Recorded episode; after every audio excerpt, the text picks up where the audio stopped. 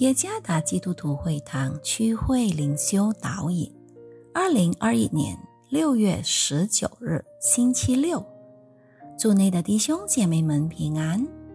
今天的灵修导引，我们将会借着圣经马太福音二十一章十五、十六节来思想今天的主题：荣耀上帝的群体。作者。施爱家传道，马太福音二十一章十五节，祭司长和文士看见耶稣所行的奇事，又见小孩子在店里喊着说：“何撒那归于大卫的子孙”，就甚恼怒，对他说：“这些人所说的，你听见了吗？”耶稣说。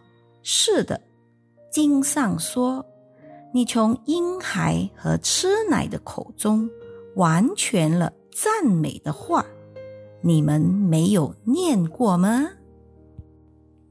威斯敏斯的药理问答是由英格兰和苏格兰长老会编排出来的，它内容有几处问答是论基督教信仰。第一道论信仰的问题是：上帝造人类的最终目的是什么？回答是：人类被造的最终目的是荣耀神，并以他为乐，直到永远。人类是按着上帝的形象和样式被造的，被造不是荣耀自己，而是荣耀上帝。这不仅适用于个人，而且也适用于群体。耶稣洁净圣殿以及行了好些奇事以后，小孩子们在店里喊着说：“何撒那归于大卫的子孙。”然而，祭司长和文士听了他们的呼喊，就甚恼怒。恼怒这一词在希腊文里是 “akan akdeo”，意味着不喜悦。祭司长和文士的内心里不喜悦小孩子们对耶稣的反应，对他们而言，那荣耀不配归于耶稣，甚至是多余的。我们可以看到那些傲慢的人是不能接纳。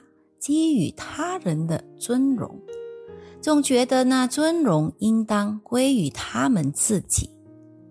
旧约里的扫罗也曾经非常愤怒，因为妇女们为大卫载歌载舞，那荣耀归于大卫，不再归于他了。